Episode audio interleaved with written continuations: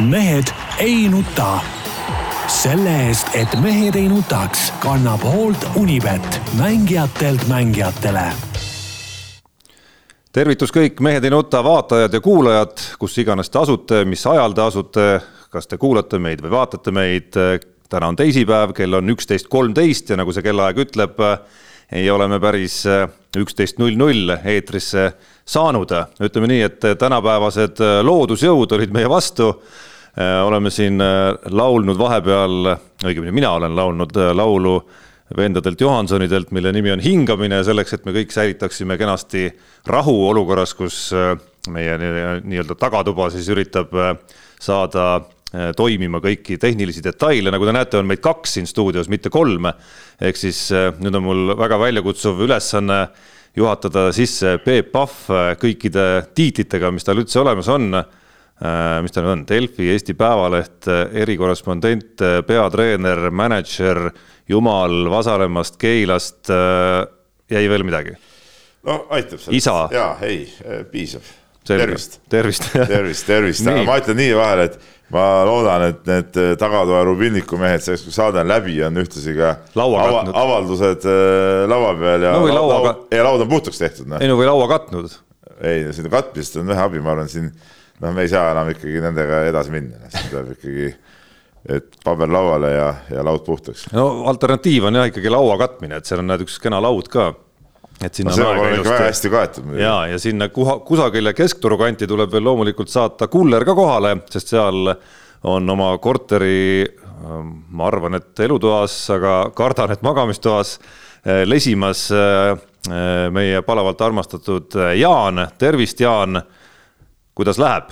tere, tere, läheb hästi ja ma istun siin elutoas ja raamatud on taustal ja, ja ärge mulle söögist rääkige. Mis siis on? Äh, sellepärast, et jah, hankisin Monte Carlost endale mingi viiruse külgi. ja, ja kõik, kõik, mis sisse tuleb, tuleb, tuleb ka kohe välja, nii et, et äh, hästi paha on olnud. ja kas see ei ole mitte sihuke üks põhilisi tontikuse tundemärke praegu, millega sa seal äh, kimpus oled? aga mul on täitsa savi tavaliselt, äh, tavaliselt saavad äh, nooremad kolleegid vanematelt vastu, vastu pead ja, ja kõiksugused siuksed nii-öelda udimised kätte, kui nad tulevad komandeeringust haigena tagasi, et, et nõrgad ja nii-öelda nii. no see praegu jah, see nagu ei. no tead, vanad vana, vanaduses hakkab ka see nõrkus peale tulema, kahjuks. No nii. minul on see tunne, et äkki ikkagi, äkki Jaan, sa ikkagi läksid nagu libedale teele selles mõttes, et äh, nagu me eelmises saates rääkisime, sa lähed ikkagi maailma rikkurite paradiisi, kus, kus ilmselt neid äh, peene nimega Michelini tärniga restorane, restorane on hästi palju, et kui sa nüüd nii-öelda lihtsa maainimesena ikkagi siit Euroopa äärealadelt kusagilt metsade ja põldude vahelt lähed äkitselt sinna väga peeneid roogasid äh, manustama Kristiina Šmiguni raamatu honoraride eest, siis, äh, siis noh, ega, ega organism ja, ja see nii-öelda seedekulgla lihtsalt ei peagi nagu vastu sellele äh, ei, manustanud Michelini tärne endale sisse, vaid seal linnas, kus ma elasin, oli väga hea Aasia restoran, söö nii palju kui jaksad. hakkab looma. Sushit oli ei no sushit oli Hiina toitu umbes kakskümmend, kolmkümmend erinevat ja no mina arvan. nautisin täiega. ja ma arvan, probleem oli selles, et sa näitasid üles erakordset tontust ja, ja tuiasid seal mingite rongidega ringi, et, et ei tasu seal ikkagi ütleme, pööbli vahel seal äh, tuuseldada, kui oled komandeeringus, et sealt need igast viirused ja asjad tulevadki. no ilmselt küll, jah. no aga läheme sujuvalt, äh, kuna me oleme juba oleme siin oma algusega täna viibinud, siis läheme sujuvalt äh, ja, ja loogilist rada pidi ka teemade kallale.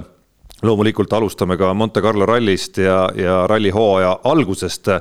no öelge, kuidas siis suhtuda Ott Tänaku viiendasse kohta, et, et kas niipidi nagu, nagu oleme väga palju suhtumist lugenud ja, ja kuulnud, et ikkagi neliteist punkti rohkem kui eelmistel aastatel Monte Carlos et, et alustuseks väga hea platvorm või siis hoopis niipidi, et et suurel osal rallist ikkagi ju, ju kiirust konkurentsivõimelist tippudega ei olnud ja, ja kui arvepidamine ei, ei eksi, siis kahel kiiruskatsel õnnestus Ott Tänakul vist esikolmikusse jõuda ainult. no mina arvan seda, et siin on äh, üle võlli mindud igastes hinnangutes nii ühelt poolt kui teiselt poolt, et äh, ühelt poolt äh, muidugi see Soome meedia oma mingi täieliku joorupiga, Jaani sõbrad seal kirjutavad igast sodi kokku ja, ja ma ei saa neist nagu enam üldse aru, mida, mida nad mida nad äh, mõtlevad ja, ja ja, ja see mingisugune õudne kriitika, kuidas, kuidas kõik oli nii halvasti ja, ja mees läks alati alt ja nii edasi.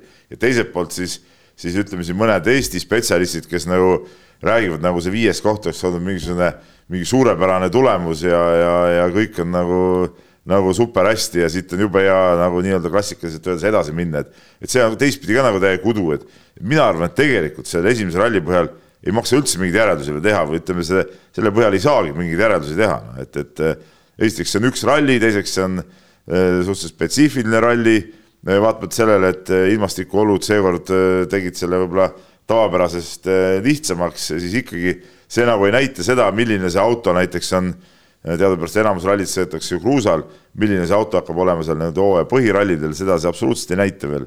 ja, ja, ja, ja suuri järeldusi siin teha ei saa, nii nagu äh, nii nagu oleme alati seda rääkinud, et see Monte Carlo on nagu omaette, omaette üritus ja, ja, ja ralli, ralli mõistes siin eh, noh, see, see ei näita midagi ja sellepärast mulle, Jaan, tundus sinu tänane kirja, tänane kirjatükk ka sihuke suhteliselt, suhteliselt veider nagu ausalt öeldes, et sa läksid ka selle, selle, selle mingisuguse eh, äärmustesse kaldumise hurraaga kaasa ja, ja, ja, ja oli ka sihuke arusaamatu jutt. vaata, saad aru, see on ju täitsa puhas äh, kuiva asfaldi ralli. ja kui sa kaotad, palju see oli, kolm pluss minutit? no M-spordis ei tohi nii kehv olla. no see on eriti, eriti hea lause, ei tohi nii kehv olla, noh jah. ei no, M-sport rääkis väga, väga täpselt ja kindlalt. meil on ainult üks eesmärk, Ott Tänak maailmameistritiitel, me teeme kõik tööd selleks ja ainult Ott Tänaku hüvanguks, selleks, et ta oma tiitli kätte. mul lihtsalt üks detaili küsimus vahele, et kust see kolm pluss minutit tuleb, et kaks pool oli ju?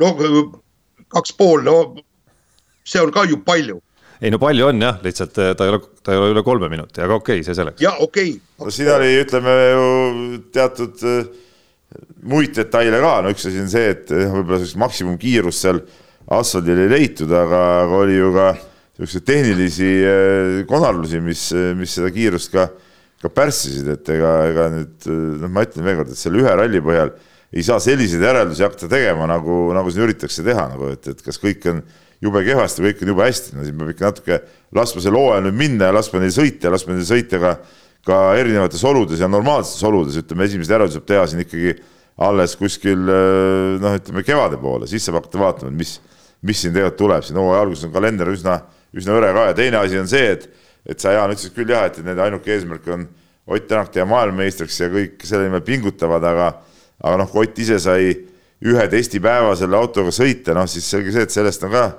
võib-olla natuke ikkagi vähe, eriti kui sa pole nagu varem saanud, varem saanud selle masinaga midagi teha, et, et tõsi, tõsi, eelmisest aastast on näide olemas, kuidas Sebastian Loeb, eks ole, samuti noh, tuli uut tüüpi auto ja, ja, ja istus äh, sealt äh, Dakarilt tulles rooli ja, ja võitis ära, aga siin on üks, üks väike vahe, et, et ausalt mina täpselt ei tea, palju ta selle auto arenduse juures sai olla eelmine aasta lööb ja, ja, ja palju ta seal sai proovida, et, et Tänak ei ole saanud ju selles suhtes nagu mitte midagi teha praegu.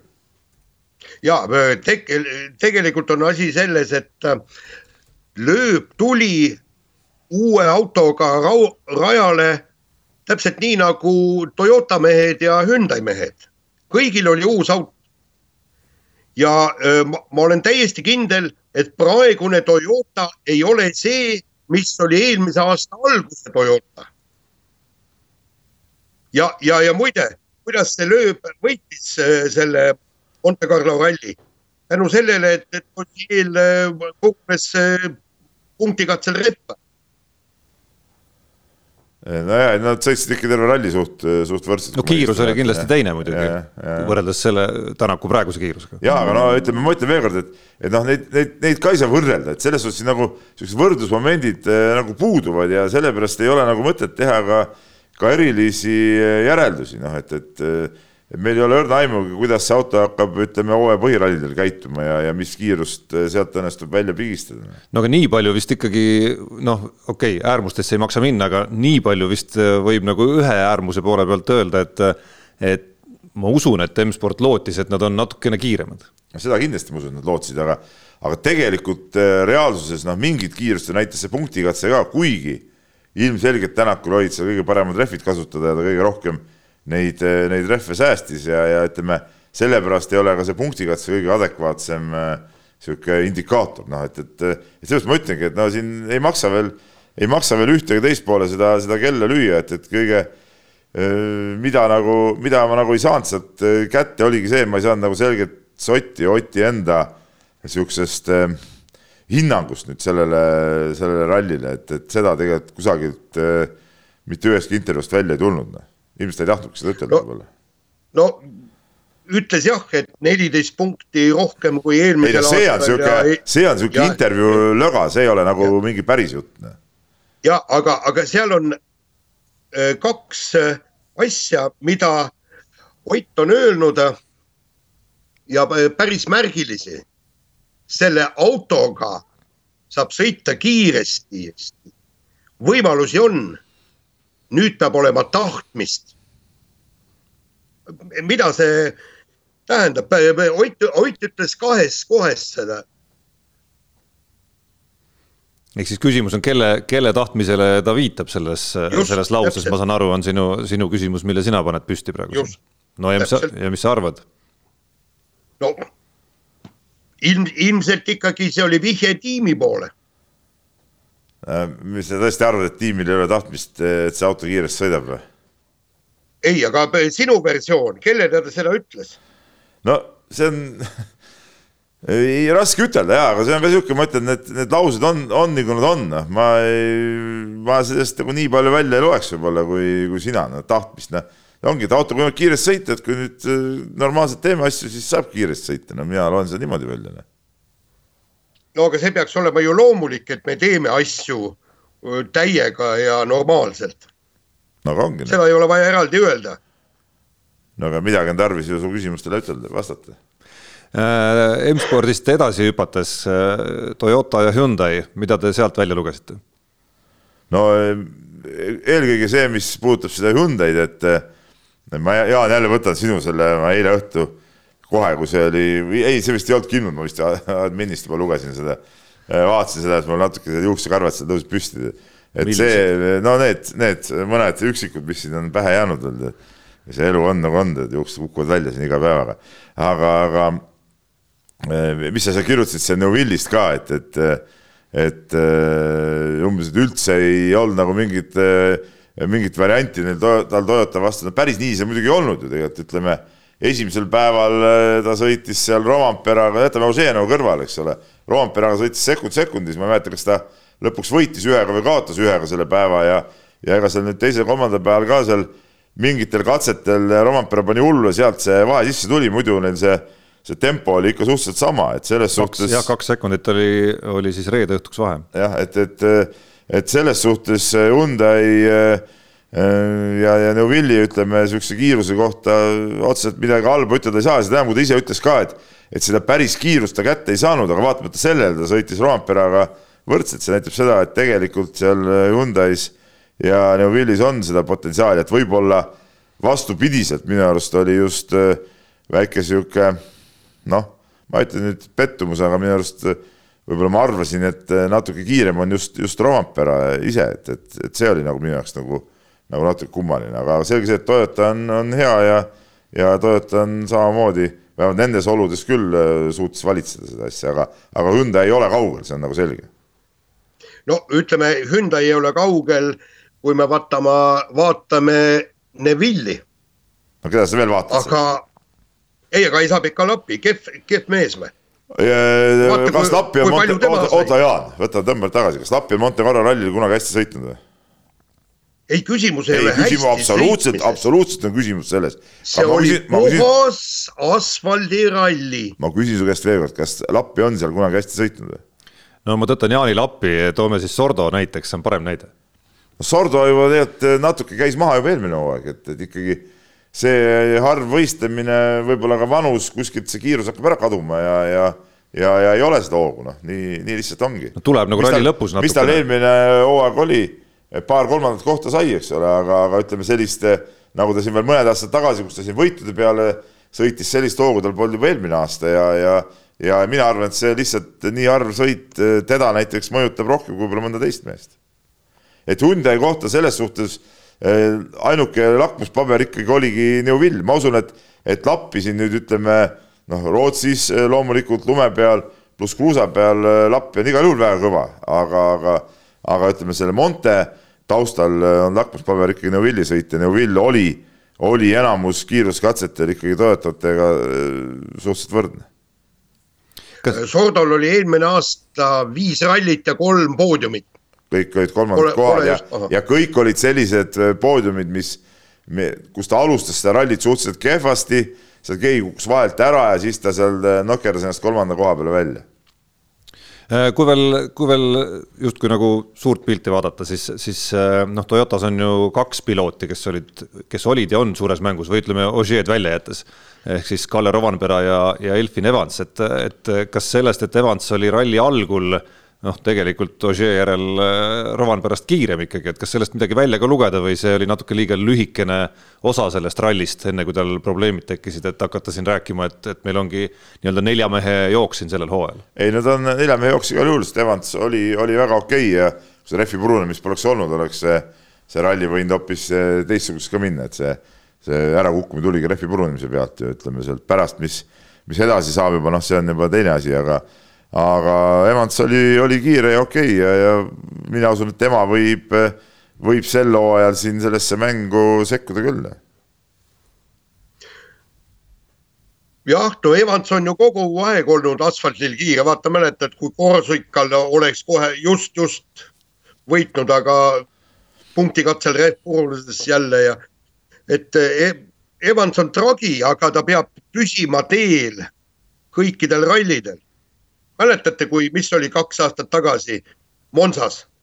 ta läks ju viimasele rallile liidrile. no see oli erakorraline, erakordne olukord tema jaoks ka ja loomulikult ta närvi pidanud seal vastu, noh, et siis ta ei olnud kindlasti küps selleks, noh, ma arvan, et nüüd, nüüd ta on äh, märgatavalt küpsem kui, kui kaks aastat tagasi ja ütleme, eelmine aasta tal oli ju ka selles suhtes suhteliselt keeruline, et tal ju neid võite ju ei tulnud ega ei tulnud ja ja, ja ütleme eelmiste aastatega võrreldes noh, ta ei saanud nagu nii hästi, nii hästi pildile ennast, et, et ma usun, et selline, selline vahepealne kehvem aasta karastab ka selliseid mehi, et, et mina, ma igatahes ootan küll, et, et Evans oleks see aasta nagu, nagu kõva ja, ja, ja ma usun, et see nii ka läheb. ja, ja muidugi nüüd Rootsi ralli näitab hästi palju kas, kas M-sport saab lähemale Toyotale? mida teeb Hyundai? No ta näitab selles suhtes, et eh, ta näitab nüüd nagu nii-öelda kiire ralli eh, kontekstis seda asja. et, eh, et Rootsi ja noh, lumeralli on, talverallid on kiired, eks ole. et see on, see on huvitav, seal on, tuleb huvitavat mängu veel, mida, mida tasub nagu jälgida Hyundai koha pealt on Priin sõidab seal Hyundai'ga ja ja Priin on nendes Rootsi rallidel olnud ja kiiretel rallidel olnud päris, päris hea, eks ole, et, et võib-olla isegi parem kui Neuvill, et, et see, see annab sellele omakorda siukse, siukse vaatuspunkti, tead noh. nii, aga, aga Jaan, aga Jaan, sa tead, ma tulen Rootsi sulle paariks päevaks sinna sinna appi, et me need asjad seal paika loksutame. loksutad paika, rallimaailmas ma saan aru üldse, et ja. Äh, räägib, räägid üle mehed, kes siin, äh, mis siin ja. nüüd on, siin oli no neid pealkirju ja, ja arvamusi nii siitpoolt kui sealtpoolt ookeani on võimalik välja lugeda igasuguseid, alates alates äh, meenutusest, Timo Jouhki on loomulikult sõna saanud vahepeal ja ikkagi äh, ei ole saanud välja ütlemata, et kui Tänak oleks Toyotasse jäänud omal ajal, mitte Hyundai'sse läinud, siis oleks ta mitmekordne maailmameister juba. no ja siis selliseid äh, natuke lühiajalisemaid vaateid, aga tõesti ühest äärmusest teise, et, et ühes äärmuses on see no selges äärmuses on minu arust see Soome ajakirjanik Miika Voorela, kes, kes kuskilt luges välja, et, et kuidas see oligi, Tänak näitas mingit ujukust üles seal sõitjana. ja kas Miika oli, oli seekord kohal ka seal või? Jaa, oli kohal. sest et vaata eelmine aasta, eelmine aasta, eelmine aasta ta väga palju ei käinud, eks ole. nii et Peep, saad Rootsis siis Miikaga vestelda. me oleme ühekaalumehed ka siuksed enam-vähem, et noh, seal kõhud kokku panna või ma ei tea, Jaan, kuidas sulle koha peal tundus, minu, minu arust tundus see ikka täitsa umbluu ikkagi no tema luges seda välja. see on Jaani sõber, see on Jaani sõber. ma saan aru, aga noh, ütleme, kui roolivõim kaob ära, eks ole ja nii nagu see laupäev läks tal nagu raisku põhimõtteliselt, et, et kui ta sealt luges kuskilt välja selle, siis, siis noh, see tundub nagu natukene nagu totter järeldus, nagu väga uljas ja, järeldus. aga selle roolivõimu puhul on ju see, see asi, et, et, et see roolivõim on jupsinud ju aastaid ja aastaid, nagu soomlased kirjutasid ju eh, no.... täpselt sama juhtus Jari Huttunenil eh, Soome rallil eelmine aasta täpselt sama. vaata ja ma nüüd meenutan sulle, ega sa ju muidugi eriti seda Eesti ralli värki ka ei, ei tea ega ei mäleta ja äh, Sander Pärn sõitis kunagi, mäletad äh,, Fordiga. ma ei saagi aru, mis sa selle Soome näited sinna tõid, sa oleks võinud selle näite tuua, kus temal oli, oli selle rooliga mitu jama ja õnnetust tegelikult äh, omal ajal ja sellest oli palju, palju diskussioone, noh, et, et, et, et kui see jutuks tuli, mul tuli küll kohe see nagu meelde, et, et, et, et siuksed asjad on, on olnud jah, seal probleemiks, aga noh, see on muidugi nii aastatetagune asi, et, et ega needsamad probleemid eh, seal ei kordu ja see on, see on ka midagi muud kui see, mis, mis praegu Tänakul juhtus. Huttunen just sellesama Rally1 autoga eelmine aasta Soomes. ei ole väga aastatetagune. ei, ma rääkisin sellest Pärna loost praegu. ja, jah no jaa, aga üks asi on, on äh, olla pettunud selles, et roolivõim ütles üles ja teada, Ott Tänak teadis kindlasti juba enne käesolevat hooaega ja M-spordiga lepingut sõlmides, et, et roolivõimuga on, on Fordidel mingi ajalugu, on ju. et, et see on nagu üks asi, olla selle üle frustreerunud ja võib-olla mures ka mingis ringis, aga teine asi on lugeda kuskilt välja, et ta nagu noh, nii-öelda näitas seda nagu sõitjana ka siis üles. ei no kuule, halloo, no mis asja no,, mis... see on ju rumalus jutt äh, kuubis täiesti, sihuke jutt vähe, mis mees läheb uue tiimi alt esimesele rallile, siis hakkab seal jonnima, seda meelega umbes aeglaselt see on ju, see on ju ajuvaba juttu täiesti, noh täpselt nii, tundus ka mulle, aga vahetame teemat, läheme talispordi juurde. Äh, hooaeg täies hoos mitmel rindel, erinevatel suusaaladel ja alustame väikese märksõnaga kahevõistlus ehk et läbi suurte raskuste nädal plaanitust hiljem ja, ja teise etapi asemel sai siis Klingenthalis toimuma MK-etapp ja Kristjan Ilves sai siis kätte sealt oma hooaja seni parima koha, neljanda koha. ja teisel võistlusel veel kümnenda sinna otsa. tõsi, peab siis ära markeerima, et see neljas tuli taaskord siis sellel ümber pööratud, mitte klassikalisel äh, moodusel, kus, äh, kus sõideti kõigepealt, äh, vahed jäävad väga väikesed ja siis, siis hüppemägi on see, mis, mis asja ära otsustab, aga noh, positiivne külg on ikkagi see, et, et ta suutis nagu päeva neljanda hüppe ikkagi teha, et kui nüüd kui nüüd suudaks ükskord ka teistpidisel võistlusel neljanda hüppe, no samasuguse hüppe teha ja siis nende samade tulemuste pealt, mis hüpati seal pühapäeval selles esimeses hüppevõistluses ka rajale saada, noh, oleks hoopis teine pilt ja teised võimalused, kui sealt neljateistkümnendalt kuskile esikümne piirile ennast, ennast kuidagi suruda. absoluutselt nõus, aga selle jah, et see hea on see, et tegi selle hüppe ära, et tal ütleme, on näitas, et tal on ikkagi see hüpe sees kuskil olemas, aga teisalt jah, see selline võistlusformaat nüüd mingit äh, mingit äh, tõsiseltvõetavust muidugi ei, ei anna, et kui see suusasõitude see vahe on ikkagi nii väike ja, ja põhimõtteliselt kõik sõltubki ainult hüppest, siis see on nagu, nagu suusahüppajate võistlus, et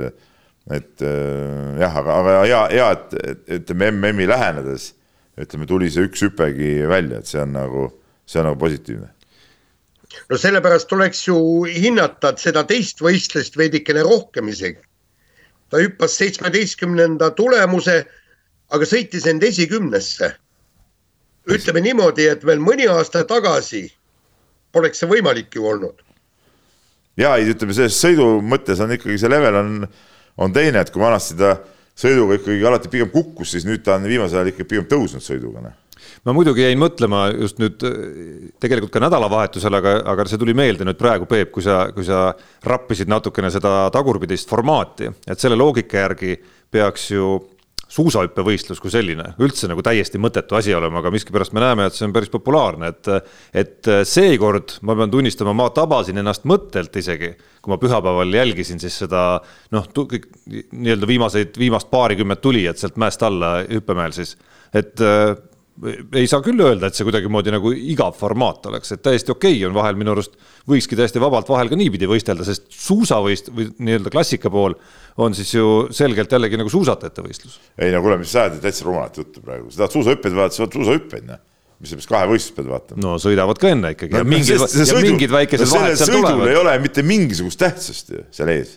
no natu, natuke ei, on. no see on natukene noh see on täie jura no. See... võib-olla annaks neid vahesid ei, natuke lihtsalt no. kasvatada, et kohtade järgi tulevad need vahed nagu veel suuremad ikkagi, et, et noh, mingi iva sellel no võiks jah, nagu olla. kui vahed tuleksid seal sisse või see punkti, ütleme see aja ja punkti arvestus teistmoodi. just, just, et see, et sa oled esimene versus teine, teine, isegi kui null koma kaks sekundit. praegusel kujul ma räägin. just, et see, et kui seda nagu süsteemi mõtled, kohendada natukene, siis oleks tegelikult huvitav, et praegu sa tead jah ette, et, et kui sul on parim suusasõitja, keda sa tead, et ta on kehv hüppaja siis sa tead, et ta ei ohusta ühtegi head hüppajat seal viimase hüppajana enam. aga kui need vahed oleks oluliselt suuremaks rebitud, siis võiks see nagu päris huvitav olla isegi.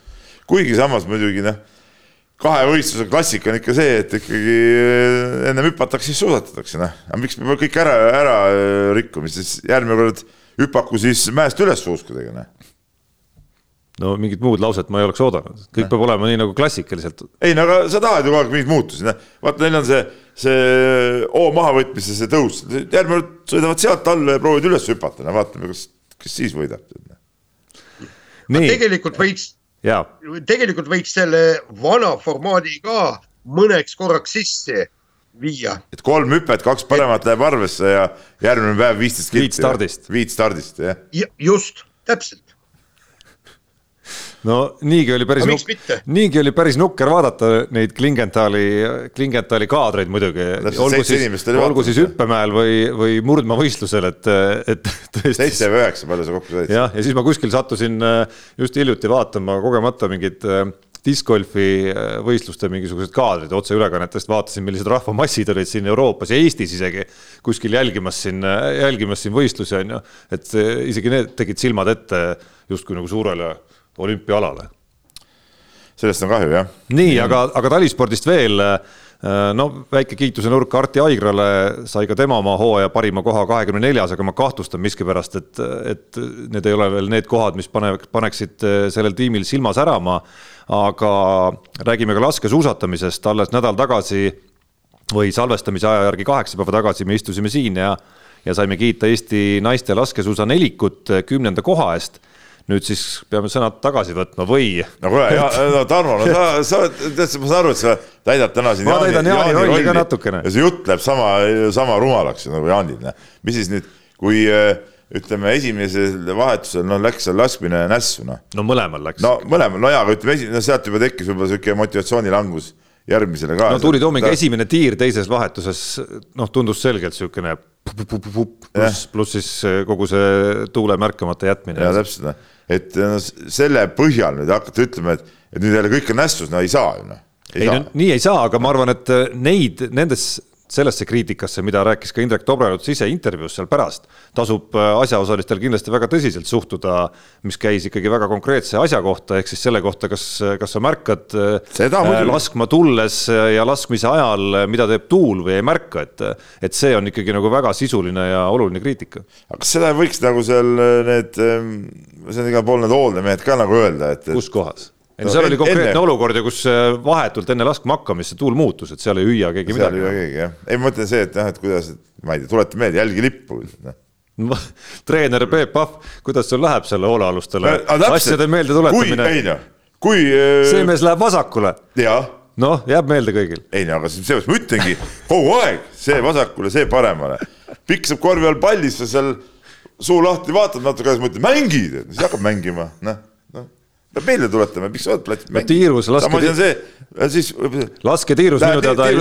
tulista siis. laske tiirus minu teada ei tohi seal karjuda, nii et. ei, enne, enne, hakka, lasku, laske tiirus, öeldakse, jälgi lippu, loe relva, tulista. vot see on päris asjalik jutt muidugi. miks miks mitte, noh.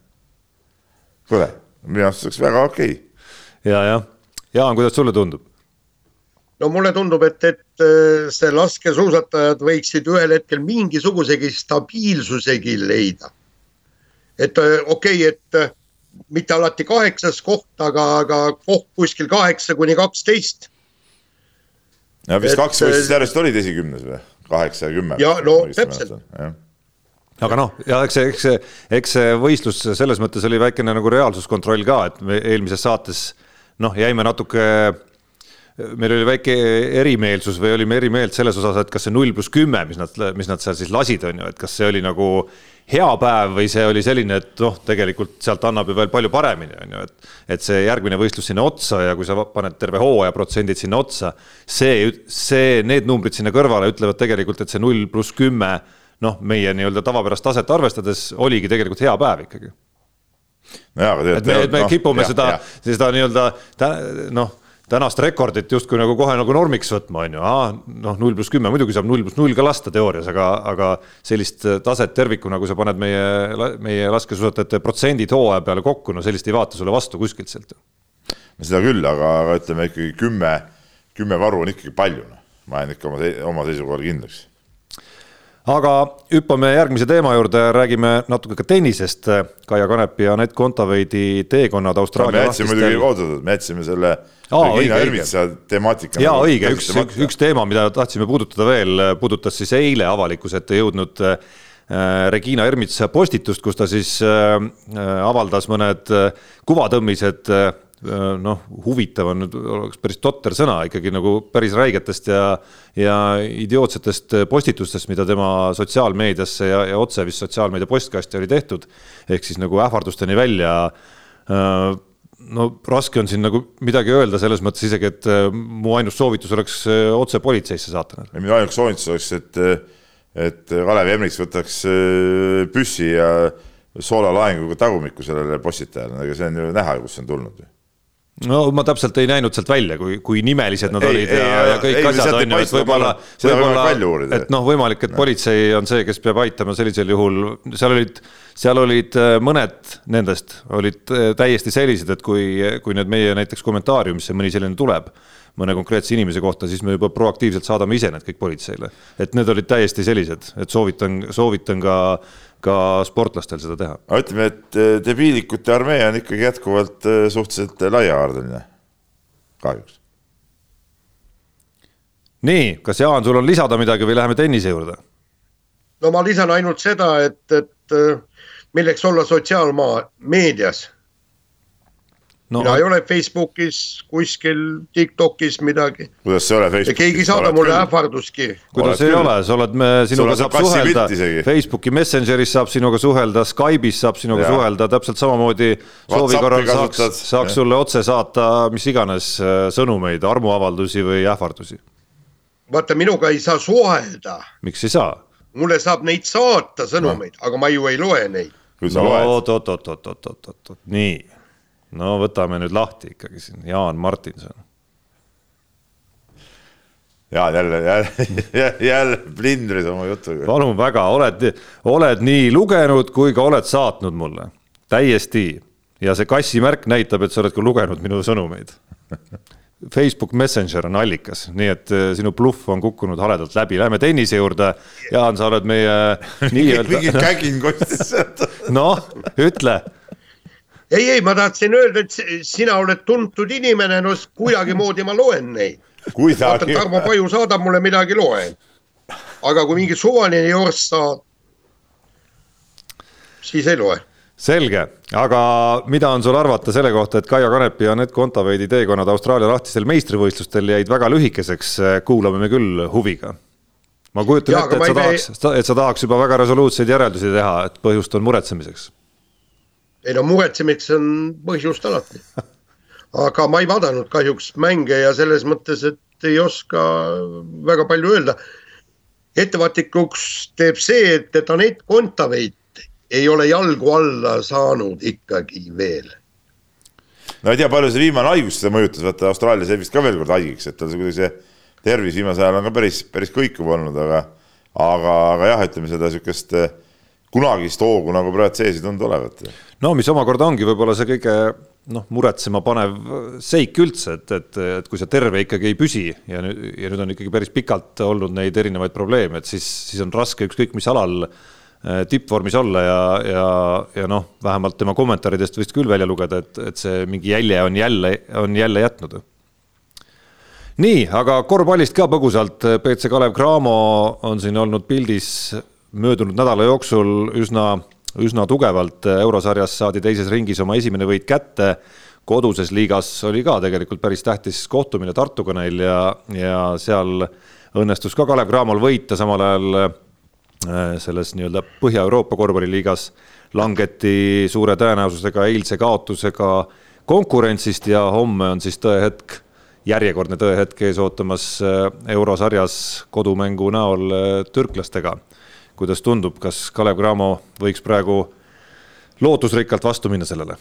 no see Kalev Cramo värk on niisugune suhteliselt äh, veider olnud äh,, tegelikult neil see, need mängud on läinud ka üles-alla, nagu eile, eile mängiti seda äh, Põhja-Euroopa liigat, seal äh, saadi jälle kaotus, eks ole, aga ütleme, kui me vaatame, et mis on kõige tähtsam selles hooajas. mulle tundub, ma segan vahele, et, et nad väga selgelt on selle Põhjaliiga ikkagi nagu lükanud selliseks, et see ei ole meie äh, justkui kõige tähtsam liiga praegu, et see on kõige vähem tähtsam meile. no mis üldse mängivad seda siis, see on ka nagu narr, et sa mängid ja siis. no sest loobuda ei saanud enam ilmselt no, mingil hetkel. jah, noh, loobuda ei saa, alati saab loobuda, aga, aga no siis pidanud nagu nojah, okei okay., no tegid nii, tegid nii, et äh, aga ütleme, ma tahtsingi just öelda seda, et mulle tundub, et nad ütleme, mis on kõige tähtsam, on see eurosari ja ütleme nendeks mängudeks on nad ennast ikkagi timminud äh, praegu maksimaalselt üles, noh et, et äh, jah, see seis ei ole neil seal lihtne, aga, aga aga kõik võimalused on ikkagi sealt edasi minna, et see, see koduvõit oli, oli ülioluline. no kusjuures ma ei alahindaks üldse ka seda, seda Tartu võitmist selles mõttes, et kui sa tabeleid vaatad, siis, siis noh, siin on olnud hooaja esimestel kuudel perioode küll, kus nad on üsna rinnutsi seal, olgu siis no ongi üks tabel meil, Eesti-Läti liiga tabel.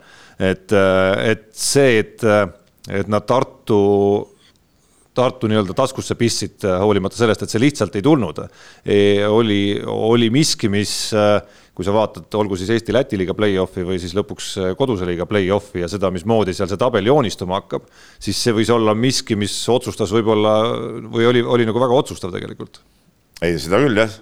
ja, ja tegelikult ega noh, Tartu ongi ju hea, hea sats ka ja see mäng oli ju, ju tegelikult paljuski ka Tartu, Tartu käes, et see, et noh jaa, aga huvitav, et nad ei ole kummalgi korral. Nad tulid ikkagi sellest, ma tahtsin seda ütelda, et mäng oli nagu Tartu käes, aga, aga Kalev ikkagi, kui nüüd lõpuks nagu vaja oli, siis nad tulid sellest seisust välja ja, ja, ja korjasid selle võidu ära, noh, seda, seda võitu oli neil sisuliselt vaja muidugi. Noh. et huvitav, et Tartu kummalgi korral, noh, kus mingid asjaolud mängivad nagu noh, nende kasuks tegelikult ka meenutame, kuidas Karikale tuli Kalev Cramo ju mingite tohutute reisiseikluste pealt ja praegu selgelt see fookus on kuskil Euroopas, et, et Kalev Cramo on suutnud nagu lõpuks noh, mõlemad asjad nagu ära võtta ikkagi need. no vot, see ei ole, see ei ole alati päris nii, et, et, et see annab nagu mingisuguse eelise, kui teine tuleb raskest seisust.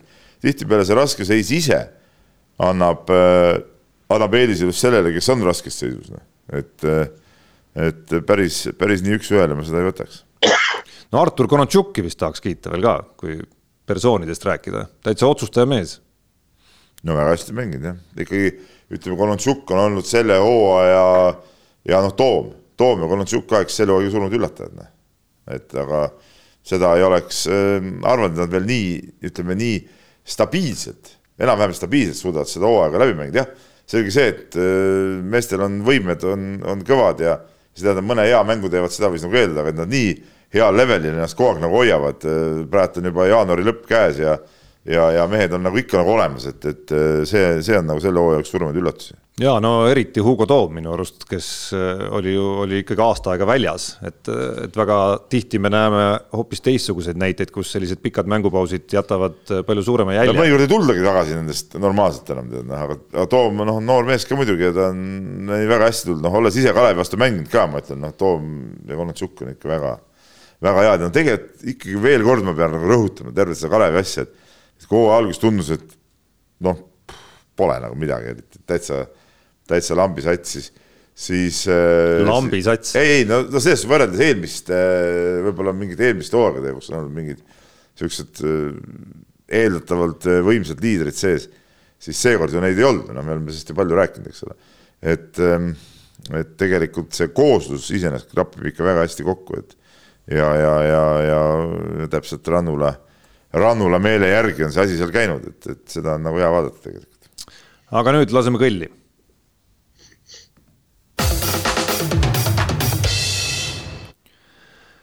oleme tagasi eetris, jätkame vahemänguga.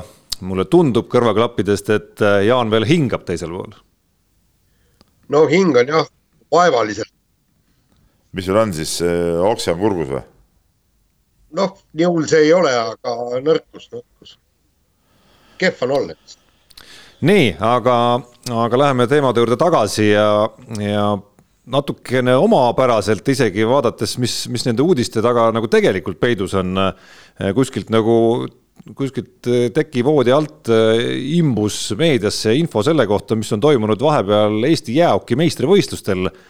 Konkreetsemalt ühe konkreetse ja, ja Eesti hoki mõistes ikkagi üsna legendaarse klubi ümber, Tartu Välk neli üheksa neli, kus siis selle mänedžer Oleg Litvjakov on saanud tegutsemiskeelu, sest lõi pärast mängu Kohtla-Järve Sputnikuga kohtunik Juri Timofejevit ja sama klubi mängija Anatoli Jakovlev sai mängukeelu kahe tuhande kahekümne neljanda aasta augustini, sest mängus Haatse Panteri vastu lõi ta nii peakohtunik Maksim Toodet kui ka liinikohtunik Zava Azarovit no mis äh, kriminaalide pesa see Eesti hokis nüüd siis on?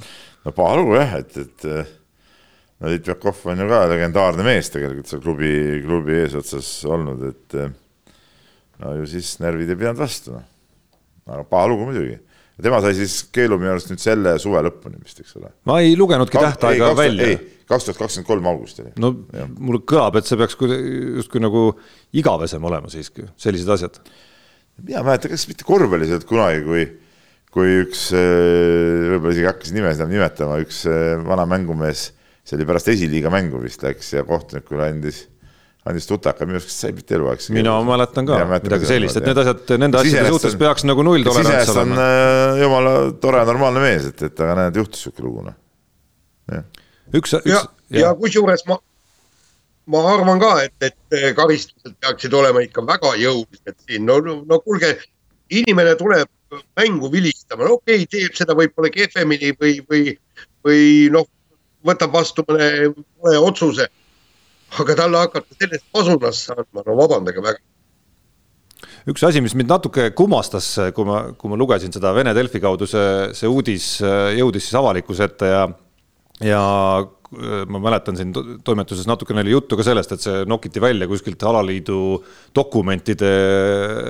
alaliit ise ei saanud. alajaotusest kuskilt on ju, et, et need on tegelikult nagu noh, noh, väga suured asjad, et, et, et, et ma rääkimata siin üldse selle, sellest liinist, kuidas oi, jube põnev ja nii edasi, aga noh, need on sellised suured asjad minu arust, kus, kus selline nagu elementaarne läbipaistvus ja, ja, ja põhimõte peaks kaasas käima, et me anname ise sellistest asjadest teada ja, ja et need juhtusid ja, ja, ja nendest karistustest teada ja, ja suhtleme sel teemal nagu rohkem, et, et palju ei puudunud, et see olekski kuidagi jäänud nagu laiema avalikkuse jaoks noh, teadmata, et sellised asjad toimunud. ja, ja niisugust asja peab alaliit kindlasti teada andma, et, et see, see ei näita mitte seda, et alaliidus on asjad halvasti, kui niisugused asjad, niisugused asjad juhtuvad ja neid avalikustada, vastupidi, see näitab, et alaliit on tugev ja, ja, ja igast niisuguseid vahejuhtumeid võib juhtuda noh, ükspuha mis spordialas. aga, aga nendest nagu rääkimine ja, ja avalikkuse ette toomine, see näitab, näitab seda, et alaliit on väga läbipaistev, et selles suhtes ma nagu imestan, et nad, nad selle asja niimoodi kuidagi üritasid vaikselt nagu ära, ära teha Anders Veerpalu, üks Andrus Veerpalu võsukestest, kes võistlemas äh, põhjanaabrite pool Soome klubi eest, andis intervjuu sealsele suurele päevalehele Ilda Lehti. ja, ja loomulikult küsimuste seas tulid kõik äh, peresuhted ja, ja dopinguteemad ka jutuks ja kommenteeris siis Anders Veerpalu, äh, mälu järgi ütlen, kes on kahekümne aastane praegu Äh, kommenteeris äh, siis kõigepealt oma venna lugu lausetega väga vale valik mu vennalt, saame temaga hästi läbi, aga sel teemal me ei räägi. ja, ja lause isa kohta, et isa on mulle endiselt sangar, no mis, mis mulje see intervjuu teile jättis? noh no, no, mina ütleks niimoodi, et äh, no isa on isa sealt ei saa midagi, midagi üle ega ümber, aga, aga minu meelest jättis ta ütlemata selle, et jah, ta ei mõista venna teguviisi õigeks, aga stopp. isa ju aitas sellele kaasa.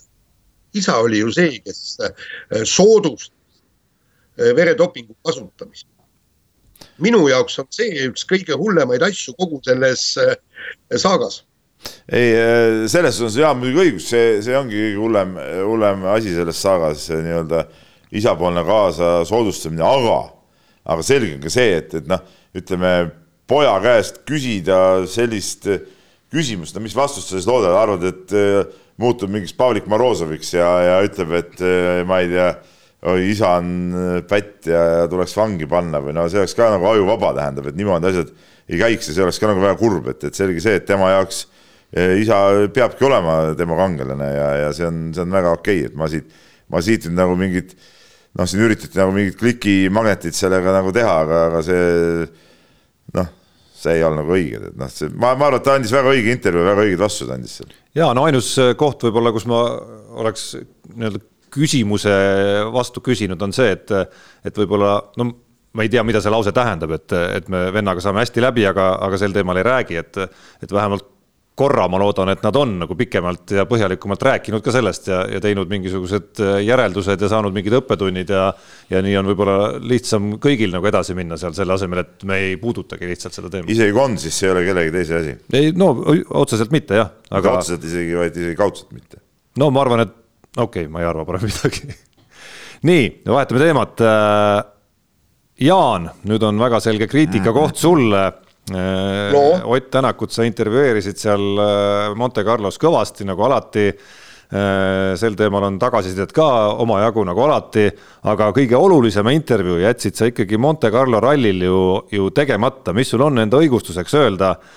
Monte Carlo ralli üks, üks vägevamaid uudiseid, vägevamaid, võib öelda küll nii jah, oli siis ralli algul Äh, kaadrisse jäänud äh, paarikene, kes armurõõme nautis seal raja kõrval, samal ajal kui autod mööda kihutasid ja, ja kenasti ka kaadrisse jäid, kuhu jäi intervjuu Jaan selle paarikesega? ei no ma ütlen, ma ütlen enne Jaan, kui sa hakkad vastama, nüüd sai jälle selgeks, ütleme, Tarmo arusaam äh, autorallist ja mis on autoralli juures nagu sihuke vägevam ja vägevam uudis, noh.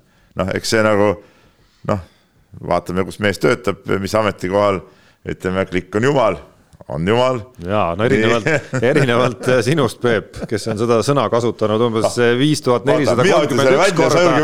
viis tuhat nelisada kolmkümmend üks korda. ei, ei leia mina seda, et see niimoodi on. no aga kuidas siis kõige vägevam asi oli, oli mingite mingite, ütleme, seksmaniakkide äh, enesepaljastus. sa pole ikka aru saanud, mis rubriigiga meil kiire vahemängu näol tegemist on, kus me siin üritame ka rahva meelt lahutada. Jaan, kriitika on ikkagi sulle, kus jäi intervjuu?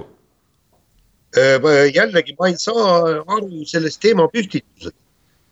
Äh, minu meelest on äh, armurõõmude maitsmine täiesti normaalne tegevus.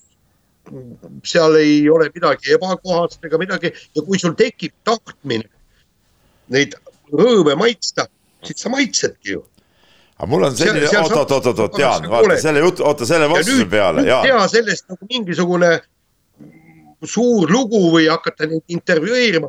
tahtsime seksida, seksime. hästi, hästi. Jaan, kuule, seal oli päris vilu ka minu teada, eks ole, Montes, oli ju seekord? oli. nii, sa oled haige praegu ju tähendab, ei maksa nagu ilma püksata seal äh, külma käes niimoodi äh, säbeleda, tead noh. et, et, et ma saan aru, et kriitika sisu on see, et äh, kuhu jäi intervjuu iseendaga. jah jah.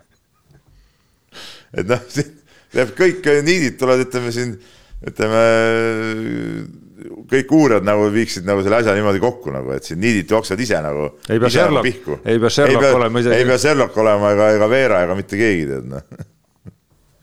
nii on no nii on, hüppame korvpalli juurde tagasi, Jaan on paljastatud eh, nii no, kõigis selle sõna nagu igas mõttes, mis, mis üldse olemas on aga see köha kinnitas seda aga me läheme korvpalli juurde tagasi siin selle ploki lõpetuseks. eelmisel nädalal sai ka avalikuks uudis, millest korvpalliringkondades on mõnda aega juba räägitud, ehk siis BC Tarva, Rakvere klubi juhtimise võtab siis järgmisest hooajast üle Reinar Halliku korvpallikool siin saab igasuguseid jätkuküsimusi küsida, et kas äh, Andres Sõber, kes seal koolis on U kuusteist satsi juures vist äh, hakkab ka äkki varsti comeback'i tegema? tegelikult äh, see faktiseis on ebatäpne praegu, et ei võta korvpallikool seda kindlasti üle.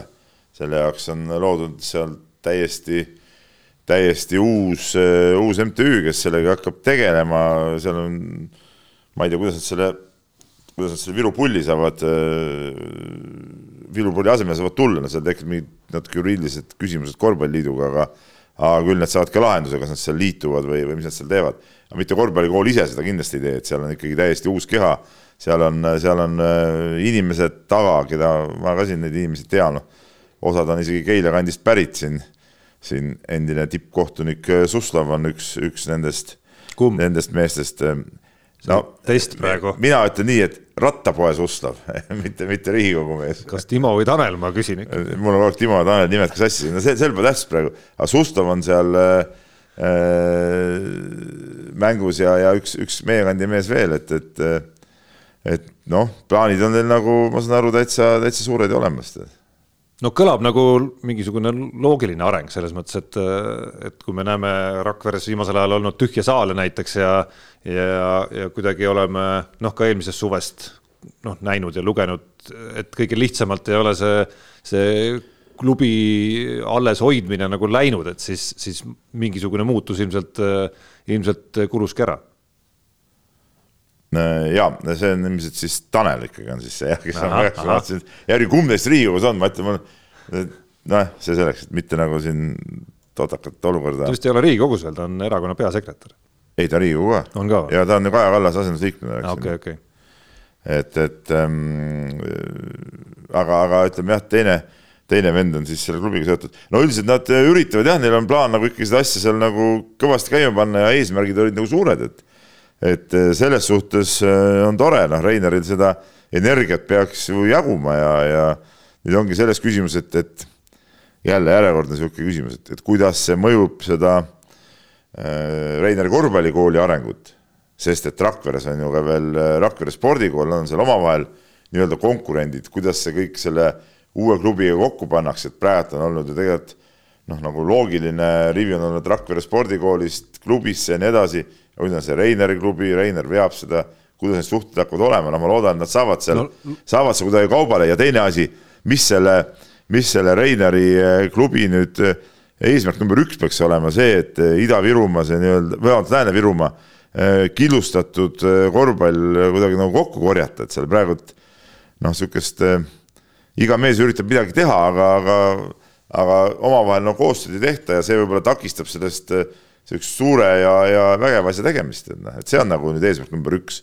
aga kas ta saab sellega hakkama, noh, see on, see on võtmeküsimus. loogiline jada võiks olla, et eh, nii-öelda kõikide selle kandi suuremate noorte tiimide paremad pojad jõuavad lõpuks Tarvasse noh, kui, kui nad Eestisse jäävad ja. Lääne-Virumaalt? Just, et noh, on nad Rakvere, Rakverest, Reinar Allikust ja mis iganes kohad seal, seal ikkagi nagu veel on ja noh, lihtsalt see Reiner Alliku korvpallikool ja Rakvere on nii kõrvuti ka, et nad nagunii söövad üksteise neid äh, poisse, noh Reineri juurde on läinud osad äh, Rakvere spordikooli äh, poisid ja noh, ütleme seal, seal juba eos on juba teatud konfliktid nagu sisse kirjutatud, et ma ütlen, et, et võtmeküsimus tema jaoks ongi see, et kuidas, kuidas äh, need asjad ära maandada, et et, et seal tekikski see, see koostöö variant üldse. no Pärnus see kunagi natuke sarnane olukord lahendati ju mingite aastakäikude kaupa näiteks. üks ma, kool võttis ühte, seda teisi teist, teine teisi. ja sinna on Pärnu noorte korvpalli ka praegult nagu toppama jäänud minu arust, et see on, see ei olnud nagu hea, hea lahendus kindlasti, mis, mis Pärnus tehti minu arust selle noorte, et selle aastakaupade, kaupa nagu jagamine, aga, aga Pärnus ei olnud kindlasti ütleme nii suurt seda niisugust äh, isikutevahelist võib-olla ka põrkumist, kui, kui seal Rakvere kandis on sellega, et, et, et ma arvan, et see tuleb keeruline ülesanne, aga, aga hoiame siis Reinerile igal juhul pöialt, et, et ta saaks sellega hakkama, aga mis, mis nüüd puudutab siin, sa tõid see Andres Sõbra teema siin ka välja.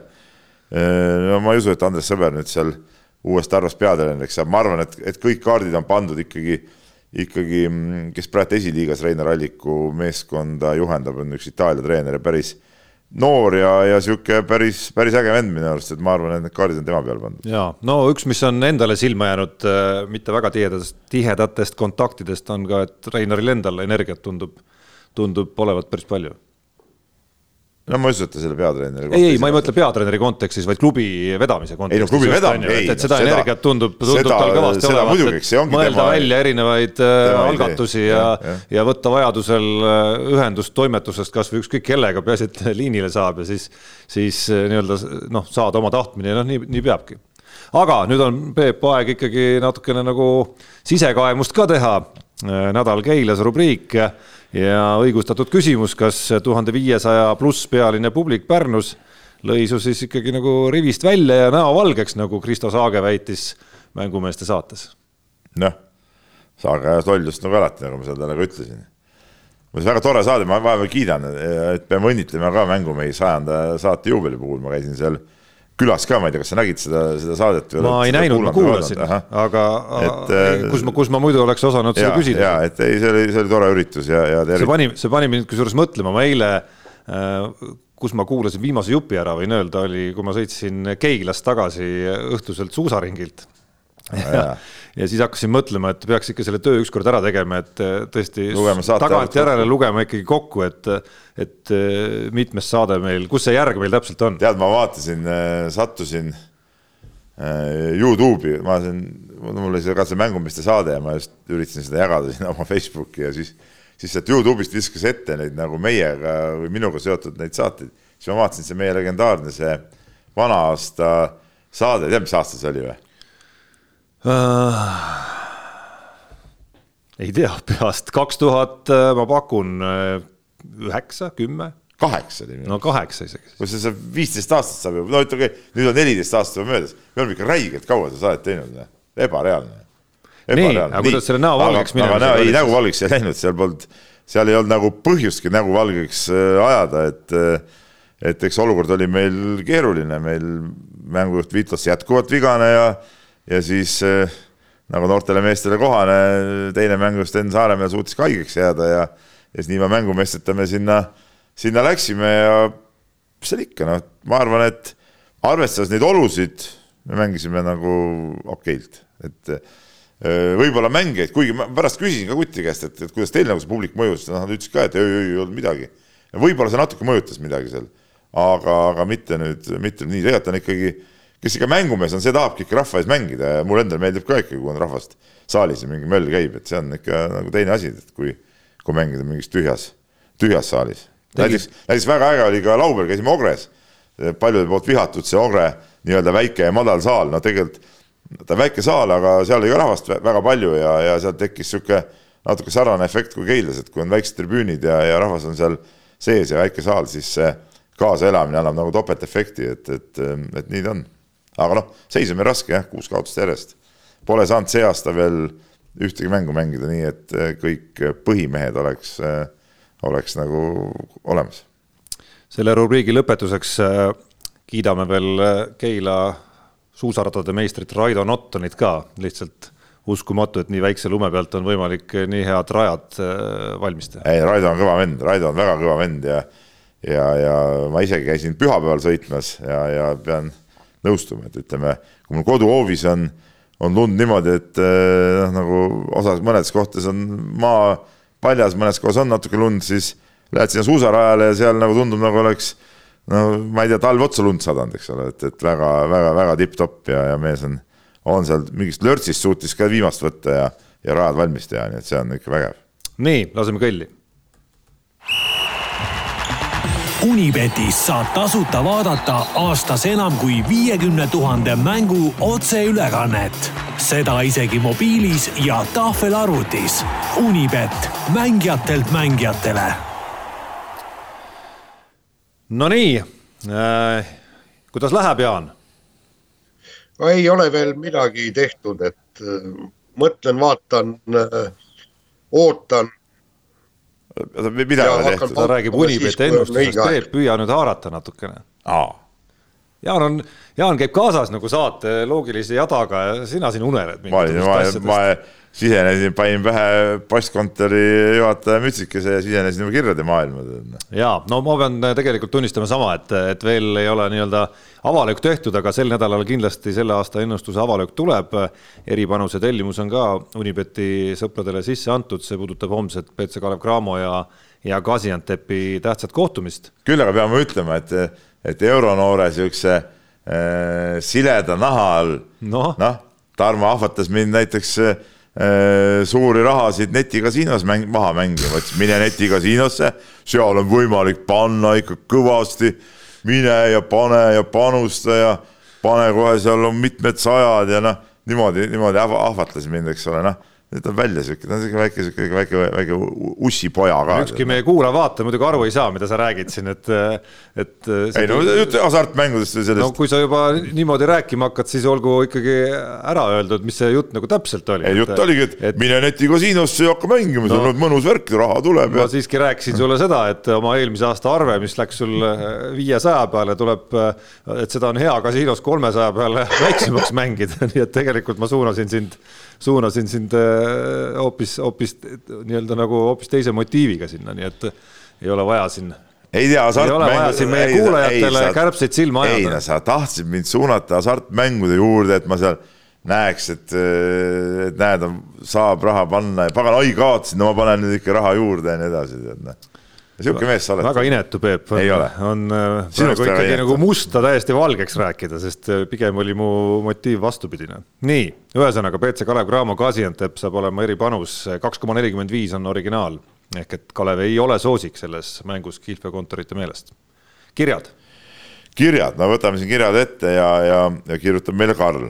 tere, mehed USA-s Lake Placides lõppenud Tali universaali saavutas meie murdmaasuusataja Mariel Merli Pulles vabatehnika sprindis ja viieteist kilomeetri massstardis kulla ja lisaks kaks hõbemedalit. kuhu sellised saavutused paigutada?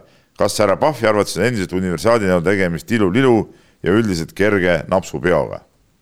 no vaadates neid. kas me juba eelmises saates ei, ei tegelenud selle teemaga? jaa, aga nüüd, no nüüd tuli uus kiri, nüüd on rohkem medaleid, eelmine aasta, eelmine saade oli üks medal ainult. et, et noh, nüüd, et kui nii palju medaleid on, ma mäletan vanasti, kui Erika Salumäe kunagi võitis universiaadi, mäletad sa, Jaan, kaheksakümne, ma ei tea, seitsmendal või mingil sihukesel aastal siis see oli küll väga-väga suur sündmus, eks ole. Aleksander Tammert ja siin on veel olnud. ei, no ja, ja kergejõustik, ja, ja ma rääkisin veel päris vanal ajal. aga nüüd, kui ma vaatasin neid äh, spordiuudistes neid äh, suusa, suusavõistluse katkeid ja siis kuidagi nagu noh, selge see, et see on kõva asi, see on Pullese jaoks kõva asi, see on arvestades meie suusatamise taset igal juhul väga kõva. aga ütleme maailma suusatamise kontekstis oli see ikkagi nagu neljanda järgu võistlus umbes või? nii-öelda no, suur spetsiaal. et eh, kes eh, Pullese eest need eh, vähemalt ühe kulla ära võttis, soomlanna, no tema on nii MK-etappidel niisugune kolmekümne viienda koha peal. ehk siis võib arvata, et, et Pullesel on täiesti reaalne lootus MM-il kolmekümne sekka sõita no ta, ta on seda ühe korra elus suutnud ka juba ju. ja ta on suutnud. vaat kas Jaan nüüd kadus ära. Nonii, nüüd, nüüd lõigati Jaan su lause natukene läbi seal, nii et sa võid selle viimase lause nüüd uuesti algusest peale öelda. ei, ma ütlesin kõik ära, et, et kui ta MM-ile läheb, siis ta võiks seal kõikidel distantsidel, noh, ma ei tea, kas kõikidel, aga, aga ikka kolmekümne sekka lahti aga minu arust on praegu nagu arusaamatu, kas ta ikka läheb MM-ile, minu arust ta kindlasti peaks minema, ta oleks naiste esinumber igal juhul, ma arvan. ja kindlasti, aga no tema on ju seal Alaskal, vaata kui kauge maa tulla sealt. no sellest ma ei saagi nagu aru, et no see jälle see, jälle see USA üliõpilassüsteem. no nagu, mis ajast see sulle nüüd üllatus ei, ei, ei tule. läbi teha ei, see aeg ja siis tuled. üllatusena ei tule, üllatusena ei tule, aga noh et kas see nagu, no igas väga raske seda konteksti nagu panna, noh, et, et äh, kui samal ajal noh, ma ei tea, vaatasin see Tormis Laine, see Jaani poolt kiidetud Tormis Laine ka, kes pidi hakkama MK-sarjas paugutama Jaani sõnul, mis ta oli, see seitsmes või üheksas või mis ta, üheksas vist oli, jah? võib-olla mõlemat, aga vist mulle meenub seitsmes eilsest ah,, eilsetest uudistest vähemalt. võib, räägid, võib-olla jah, seitsmes, ma täpselt ei mäletanud. et, et kuidas seda nagu hinnata, noh? no ega seal mäesuusatamises MK-punkti saada, sa pead seda sarja kütma ja kütma kolm, neli, viis, kuus aastat ja siis hakkad punkte alles saama. sellepärast, et eh, sina ju stardid sealt tagantpoolt, kui rada on ju täiesti soliks sõidetud ja, ja, ja kõik, eks. ja sa pead kuidagimoodi samm-sammu võrra öö, parandama oma tulemusi. No aga Laine ju ei paranda praegu, ta ei käigi nagu MK-l, nagu sa ütlesid. no just. okei okay see selleks, ei saanud sult mingit selget vastust, ega sa ei teadnud ise ka täpselt, mis sa rääkisid praegu sellest. aga lähme, lähme edasi ja, ja järgmine kiri tuleb punaselt kuradilt. Äh, ka päris huvitav, huvitav nimi ja, ja kirjutab nii, et viimase nädala jooksul on silmanud kaks olulist teemat Eesti spordimaastikul, mille üle oleks hea laiemat diskussiooni pidada. Eesti on küll, esiteks siis Eesti on küll väike, aga siiski kuidagi, kuidas tagada ajakirjanike objektiivsus, näide viimasest nädalast maksumaksja raha eest laia Euroopasse lähetatud ajakirjanik loobub peale Eesti sportlaste kesist esitust nendelt kommentaari küsimast. sulgudes, kuigi ju kõiki vaatajaid huvitab, mis võis olla ebaõnnestumise põhjuseks. sest muidu võib kerkida oht, et hea sõber ei kutsu enam järgmisel korral pulma või sünnipäevale. kas sõprussuhted on tööülesannetest tähtsamad? Noh, Tarmo, on või? no antud olukorras justkui ei tohiks olla, ma ei ole kindel, kas, kas see mis põhjusel need intervjuud peetakse silmas, ilmselt siis laskesuusa sedasama teateneliku või ütleme siis kahe esimese või, või teateneliku, naiste teateneliku alguse. ma ausalt, ma ei näinud nädalavahetusel laskesuusa ülekandeid. mina nägin, aga ja. mulle ei jäänud meelde, vähemalt mina ei korjanud nagu üles seda, et, et, et see kuidagi oli nagu asjaosaliste otsus, aga võib-olla see selles järgmise ülekande alguse mingisuguses omavahelises poleemikas kõlas see üle, ülestunnistus, et see oli nagu teadlik otsus jätta siis Regina Ermitsalt ja Tuuli Toomingalt küsimata, et eh, ja anda Indrek Tobrelutsule sõna, et et eks mu, eks mul on natukene, ma pean tunnistama, ma olen seda siin saates öelnud ka, et mul on nagu mingis osas natukene meie laskesuusatajatest kahju, et, et see, et nad on ERR-il, ERR-is nii kõvasti pildis, see tähendab, et, et nad peavad ka nagu ebaproportsionaalselt palju oma taset arvestades astuma reaalselt otseülekandes kaamera ette ja, ja põhjendama kõiki neid eh, kuni üheksakümnendate kohtadeni välja kogu aeg, on ju. et, eh, et noh, ükski murdmaasuusataja, rääkimata Arti Aigrost või, või Kristjan, Kristjan Ilvesest seda nagu kogu aeg samamoodi tegema ei pea, kuigi nad eh, võistlevad tihti palju paremate kohtade peal. ala on lihtsalt selle võrra populaarsem. no ala on selle võrra populaarsem, et kui juba seda teed on mindud, siis noh, siis justkui peaks see nagu norm olema, mees on kohal ja, ja astuvad ikkagi kaamera ette ka. ma noh, ma kujutan ette, et kumbki neist väga ei tahtnud seda ise ka teha. Eh, käisin no., käisin Pekingi olümpial vaatamas laskesuusavõistlust. ja seal oligi ju see, et, et meie omad kõik neli tükki põrusid, aga tulid kenasti ajakirjanike ette, pisarad silmas ja pettumus näos ja, ja andsid aru ja, ja, ja kirjutasingi loo pealkirjaga vist, et neli, neli pettunud naist või midagi niisugust. et eh, ega neil midagi tarka öelda ei olnud, aga noh, lugu oli vaja valmis kirjutada aga ma arvan, et selle küsimuse, punase kuradi põhiküsimus oli ikkagi see, et kas sõprussuhted on tööülesannetest tähtsamad, Tarmo? no sa ei saa ju küsida seda nagu Miks? sellise küsimusena nagu. noh mis see, mis see tähendab, mis kontekstis, noh, kas selles kontekstis, millest räägitakse seal või? üleüldse. Neid kontekste on no,. näiteks, kui näiteks sinu sõber jääks. Neid kontekste on ju nii erinevaid. jääks mingisuguse rikkumi-, ütleme, sa saaksid teada oma sõbra mingist rikkumisest, kas sa teeksid sellest loo või mitte, selles on küsimus näiteks.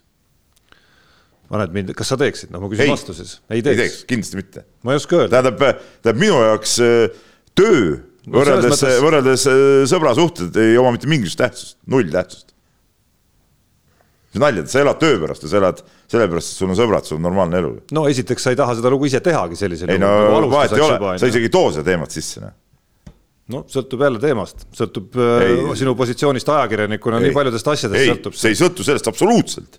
kuidas saab sellest sõltuda? sõltub, sõltub, sõltub sõprussuhtest endast ka veel. ei no okei okay,, no kui me räägime no,, kui me räägime sõbrast, sõbrast. siin, siin sõltub nagu mitte, nii paljudest. mitte lihtsalt äh, niisama tuttavast. et noh, seda ei saa nagu mustvalgeks maalida no., sest see sõltub nii paljudest asjadest ja Peep, arvesta no,, no. sa pead ju, äh, sa pead ju arvestama ka sellega, et, et kui tuleb välja, et sa ei teinud seda lugu ära, olles ajakirjanik, siis võib sul töö juures pahandusi tulla. no tuleb, siis tuleb, aga mingid muud asjad on ikka tähtsamad, ma arvan. no selles, selles lauses, et, et sõprussuhted ja isiklik elu on tähtsam kui, kui töö, noh, selles osas ei ole ju küsimust no siis, et sa ei teeks ikkagi. no jälle ma ütlen, siin läheb juba keeruliseks see olukord, noh, mis ma ei tea, miks sa pead mind survestama. tahtsin vastata. tahtsid vastata, no see ongi ja. nii keeruline küsimus, seda ei saa vastata nagu jah ja ei vastusega, minu arust vähemalt. no minu arust, minu arust saab siin aga... arutamiskohta, nii. nii, aga siin on üks väike nüanss juures. kui sa oled täiesti veendunud, et see asi kuskilt mujalt välja ei tule, okei okay,, no ei tee lugu aga kui see tuleb kuskilt välja, kas ei ole mitte parem, kui sina, tema sõber, teed selle loo. see on teine asi, Jaan, Jaan. saame vaikselt äh, kirjutada nii ja kirjutada naa ja, ja kõike moodi. ja, ja, ja selle asemel sinu asemel tuleb mingisugune vend, kes ei jaga asjast mitte midagi, tahab ainult tümitada. ei, see on Kumba teine asi, Jaan, see on teine asi, seda muidugi, aga ma rääkisin asjast, mida ainult sina võisid nagu teada saada, noh. vot nii, aga siin see kiri läheb edasi, punane kurat, ja tal on küsimus äh, veel üks ja küsib nii, et kas Peep Pahvi näol on tegemist äh, ainsa korvpallitreeneriga, kellel on korvpallimängu ajal treenerina pintsakunööbid ka istudes kinni. kui mitu korda hooaja peale võiks sellisel juhul nööpide õmblemist vaja minna? võin ütelda, et ei ole kordagi pidanud nööpe õmblema, esiteks, teiseks ma ei istugi mängu ajal mitte kunagi võib-olla, võib-olla, võib-olla mingiks sekundiks olen istunud ja, ja võib-olla siis, kui äh, punane kurat on nii tähelepanelik vaataja, võib-olla mõnikord on jäänud ka see üks nööp äh, lahti tegemata, kui sa viieks sekundiks istud, aga üldiselt istudes ma teen ikka, mul praegu ka pintsaknööbid lahti. et, et, teen, teen ikkagi istudes alati lahti, aga küll aga, aga näiteks äh, no ütleme siin niisama olles võib nööp lahti olla, aga mäng on ametlik Äh, ametlik äh, sihuke äh, esinemine ja loomulikult seal, kuna on ette nähtud korrektne riietus, siis peavad ka nööbid eest kinni olema. elementaarne. muide, praegu just tuli siit uudis, et Ott Tänak tuleb Otepää või seal Eesti talverallile. ma vaatan, ma täna just. ja kusjuures ma küsisin Rich Miljonäri käest, et kas Ott tuleb ja ta ja tema ütles mulle seal Monte Carlos, et ei, ei tule. no ma küsisin täna hommikul saatsin Ott Tänakule sõnumi, küsisin, et kas midagi saad selle kohta ütelda, noh ei vastanud, no eks neil oli tarvis ikka ametlik teadaanne anda. ei, ei, see tuli eh, Töötfissi poolt aa ah,, okei okay., no kuskilt see pidi, ei no see uudis, noh, see oli eile õhtul igal pool üleval ju sotsiaalmeedias, et ta ilmselt tuleb ju. no selle peale selle peale küsisingi, et kas saaks mingi ametliku kinnituse, aga et, et aga noh, ei ole, ei ole saanud. no eks need, kes korraldasid neid asju, teadsid muidugi veel varem, et no,, et see asi on tulekul, ütleme nii. äh, teadlane Priidik äh, üle hulga aja kirjutab meile ka, kirjutab meil nii, et äh, tihtipeale on mul jäänud mulje, et spordi harrastamise, inimeste füüsilise seisundi ja selle riigi sise- ja välispoliitika vahel on mingisugune seos paraku ei ole ma ise lõpuni aru saanud, milline see seos täpselt on. See on ka päris huvitav teooria muidugi. kuid sellest kantuna on mul tekkinud provokatiivne küsimus, kas ja kui? Jah, siis kuidas erineks teie arvates Eesti sise- ja välispoliitika praegusest juhul, kui iga Eesti mees vanuses kaheksateist kuni viiskümmend suudaksid tõmmata vähemalt kakskümmend ilma nõksuta lõuga? no vot, päris huvitav küsimus väga huvitav, ma mõtlesin, kui, kui see, kui see küsimus tuli, ma jäin jah, mõtlema selle jah. peale. Äh, esiteks selle peale, et kui väike osa tegelikult äh, noh, ütleme, ma arvan, mitte ainult Eesti meestest, vaid, vaid üldse üle maailma meestest kakskümmend ilma nõksuta lõuga suudab ära tõmmata. ma arvan, et meist kolmest ei suuda keegi no vot, me ei mahu enam sinna Alustuseks..., sinna vanusevahemikku ka. oota, mis see vahemik oli? viiskümmend, viiskümmend oli ülempiir igatahes. no mina mahun ka. ei, ma räägin, kolmest kaks ei mahu enam et kahtekümmet ma küll ära ei tõmba, jah äh, pean tunnistama, et aga jube raske hinnata. eks sa oledki, muidu tugev poiss, käed-jalad nõrgad. kas sa, ma kahtlustan, Peep, sa pole kunagi oma elu jooksul kahtekümmet korda lõuga ära tõmmanud? muidugi ei ole, muidugi ei ole ma arvan, sa ei ole lõua tõmbamises olnud väga hea, lihtsalt see mass on juba selline, mis ei luba ilmselt väga hea olla. ei, väga hea pole kindlasti olnud kunagi, jah. no vot. oota, oota, oota, aga vastus nüüd, oota see, palju meie tõmbame, noh. Ah, et kui kõik mehed tõmbaksid tõesti seda lõuga, siis järelikult eh, nad peaksid selleks trenni tegema, nad peaksid olema füüsilises väga-väga eh, heas vormis ja see tähendab seda, et nad on nagu sihikindlad, hoiavad seda vormi ja, ja, ja ja siis, siis oleks nagu see fokusseeritus oleks ka hoopis teine. no ma ei tea, ma ei tea, mulle, mulle see esimesena kangastus silmade ette mingi Hiina ja Põhja-Korea ausalt öeldes selle, selles, kus, kus kõik tüübid on karvamütsid peas, maikasärk seljas, on hommikul õue aetud ja tõmbavad kakskümmend korda lõuga ja siis see on sihuke, sihuke totalitaarse režiimi nagu, nagu tundemärk ja võidukäik, kus, kus, kus kõik vennad peavad nagu joonlava järgi seda tegema, et, et mulle see pigem tundub nagu sinnapoole kalduv. no mingi iva minu arust selles äh, Jaani, Jaani mõttes ikkagi nagu on, et kui noh, näiteks kõik riigikogulased, kõik meie ministrid, kõik on, äh, kõik igal pool, mis iganes ametites me oleme, oleme füüsiliselt nii heas vormis, noh siis see peab tähendama, et meil on distsipliini ja ja oskust ennast sundida ja noh, kõiki neid omadusi, et, et halba see kindlasti kuskilt otsast äh, ei teeks, et kui see on mingisugune hiinalik äh, versioon äh, mingisugusest massi, massipsühhoosist ja ma ei tea, millest kõigest veel, et noh, siis, siis on teine lugu. minul rangastus see, minul tuli see silme ette. siin demokraatlikus riigis me kõik äh, suudame niimoodi oma elu korraldada, oma tegemisi korraldada, leida nii palju aega, tahtejõudu, et prioriteete seada ja ja iseennast ka veel korraldada, siis, siis halba see küll kuskilt otsast teha ei saa, pluss ma arvan, meie armee oleks kõvasti noh, ütleme võitlusvõimel, veel, veel võitlusvõimelisem, kui ta, kui ta on, kui kõik on seal füüsiliselt väga heas vormis, olgu siis kaitseväes või Kaitseliidus. või olgu siis nagu nii-öelda täitsa rahuaja tingimustes ja, või, või nendes, kes ei ole kummaski struktuuris, aga kriisiolukorras on seda head füüsist, võrdub hea tervis, vaja, vaja meil väga nii on, hästi palju tuli kirju muidugi siin ralli teemadel ja, ja ja kogu sel teemal, mida me alguses menetlesime, eks ole, et, et äh, neid arvamusi on seinast seina ja ja, ja, ja siin Jaani, Jaani teemadel, et, et võib-olla me neid ei hakka siin, siin äh, ükshaaval, ükshaaval ette võtma, aga aga lihtsalt, lihtsalt kuidagi nad kimpu peaks jaa, ei, ma lihtsalt Indreku, Indreku kirjana võtan siit selle ta kirjutab nii, et, et eh, Peep, et nii kui sa ära läksid, on Delfis asjad kuidagi allamäge minemas, mis kuramuse artikkel see nüüd on. kas ajakirjanik Meelis Naudi ise ei saa aru, et soolmaste jalg väriseb ning ainuke võimalus on äh, tatti pritsida ajakirjanduses, jutt käib siis sellest samast artiklist, kus me rääkisime siis Miika Voorema. Miik, Miika loost jah, et ja kiri läheb edasi nii edasi, meie eestlased, kes me võiks oma meest kaitsta, trükime sellist jama ära mõni ime siis, et Ott annab Jaanile selliseid vastuseid.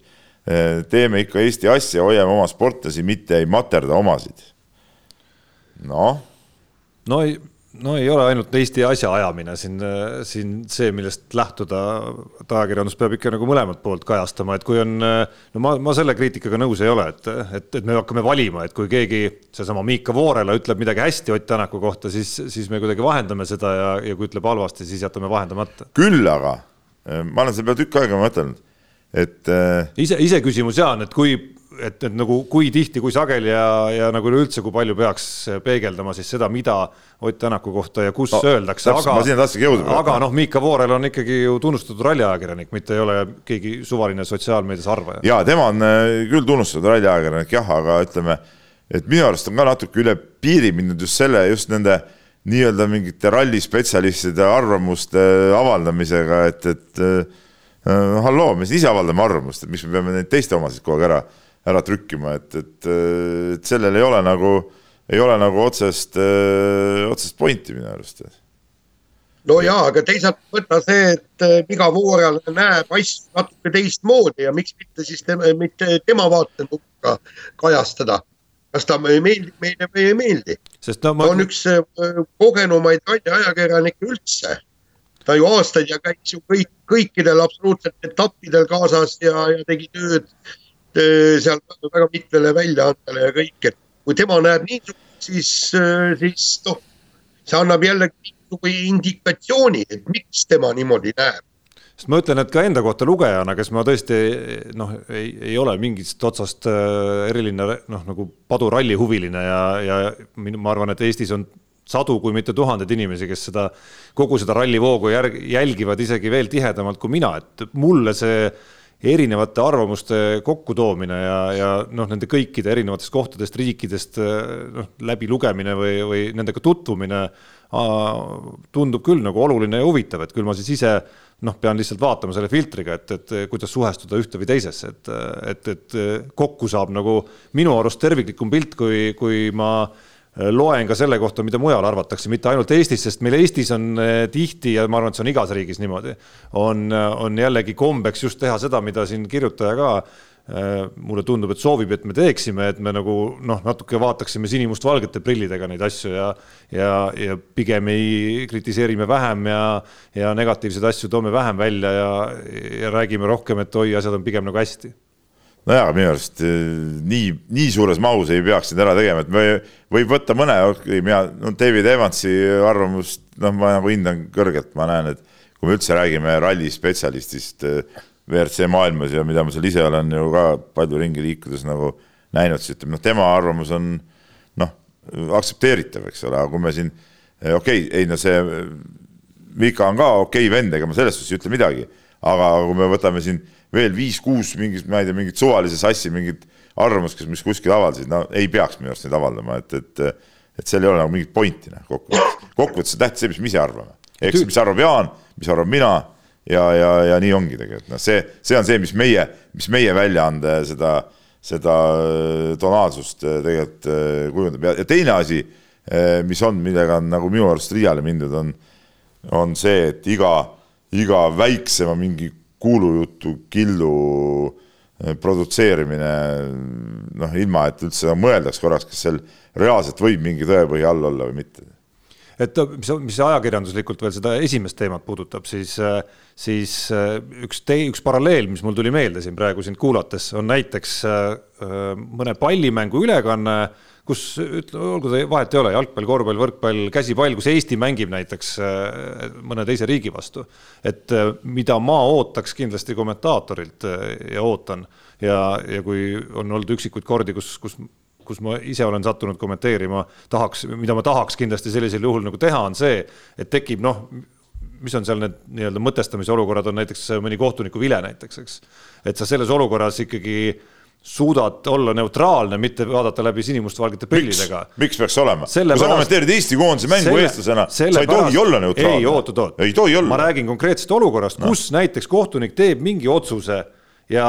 igal juhul kohtunik seebiks, noh. no ei, ma ei ole sellega nõus. ei, ma küll olen nõus sellega. absoluutselt mitte. sellepärast on väga hea. mina arvan, et kuulaja mina ütlen ja mina kuulajana, ütleme, ma ütlen nii, mina kuulajana ootaks kommentaatorilt, ükskõik, kas me räägime Eestist, USA-st, Soomest või mis iganes, et ta ei anna seda hinnangut sellele, kas kohtunik nüüd eksis või mitte selle põhjal, kelle poolt ta on, vaid selle põhjal, et mis on tema parim arusaamine selle mängu reeglitest ja, ja, ja, ja kuidas selle põhjal tuleks seda otsust hinnata. ei no jaa, no okei okay,, kohtuniku selle eksimusest. No, kas oli jaa. viga või ei olnud, kas pall läks out'i või ei läinud, mitte nii, et, et ma näen, ma näen selgelt, et pall läks out'i ei no kui sa aga... näed, et läks minust out'i, sa ei saagi ütelda, et läks sinu ühest teisest meest. aga noh, see, see ongi see näide. ja, ja aga, aga põhimõtteliselt ikkagi sa pead olema. see, et ma elan kaasa omadele, loomulikult. see, no see on, see peab olema, nii nagu näiteks kui me vaatame kõik meie kõigi lemmikklubi Kaunase Žalgiris, kui Kalev Kruus kommenteerib, siis saadki aru, et, et Kalev ongi Žalgirise poolt. ei no absoluutselt, noh, ma no. kahtlustan, et küllap äh, ralli tõttu eelmisel nädalal sattusin ma ise kommenteerima ja noh, küllap mitte nii reljeefselt, aga küllap tuli see ka sellest ülekandest välja, et ma olin Žalgirise poolt. aga noh, ma ise tunnen, et, et see on nagu mingi piirini ikkagi, et et kuskil otsas, kus sa pead suutma neutraalselt hinnata seda, et kuidas see asi nüüd nagu päriselt oli, kas pall läks joone peale või läinud. noh, pead sa suutma ikkagi ei, seda, seda öelda. see on teine asi muidugi, seda muidugi, noh seda ma ei pidanud silmas, ma mõtlesin nagu põhimõtteliselt, et kui on niisugune mingi vaieldav olukord, siis sa ikka püüad seal ju vaadata seda noh. no.. meil siiski oli kunagi, Peep, aastaid tagasi üks äh, vaidlus, mäletad, Kalevi korvpallimeeskond äh, pärast mängu selgus Tairo Lutteri foto pealt, kuidas vastasmängija jalg oli tegelikult kolmese joone taga, mis loeti tegelikult kaheseks ja, ja siis sa olid küll seda meelt, me siinsamas saates. et me ei oleks pidanud ja. seda nagu üldse nii-öelda kajastada võtma. no kuule, halloo, no see oma, omadele tegime halba. ei no me ikka nagu tõe eest peame väljas olema, Peep noh, see on nii ja naa. vot nii, kuule, ma mõtlen, tõmban sellega otsad kokku. No tõmbame siis otsad kokku, Jaan, sulle soovime sinna keskturu kanti siis, siis head paranemist, ära rohkem oma eh, nina välja topi valedesse kohtadesse, hoia riided seljas, kui sa väljas käid ja, ja ka muud nooruslikud trikid jätta ikkagi uuemale põlvkonnale, ma pakun. no peab nii tegema, jah. said oma valusad vitsad ja, ja õppetunnid kätte, meie aga täname kõiki kuulajaid ja, ja vaatajaid, jälgige meid erinevates podcast'i platvormides, mida te kasutate. kohtume taas nädala pärast. mehed ei nuta. saate tõi sinuni Unibet, mängijatelt mängijatele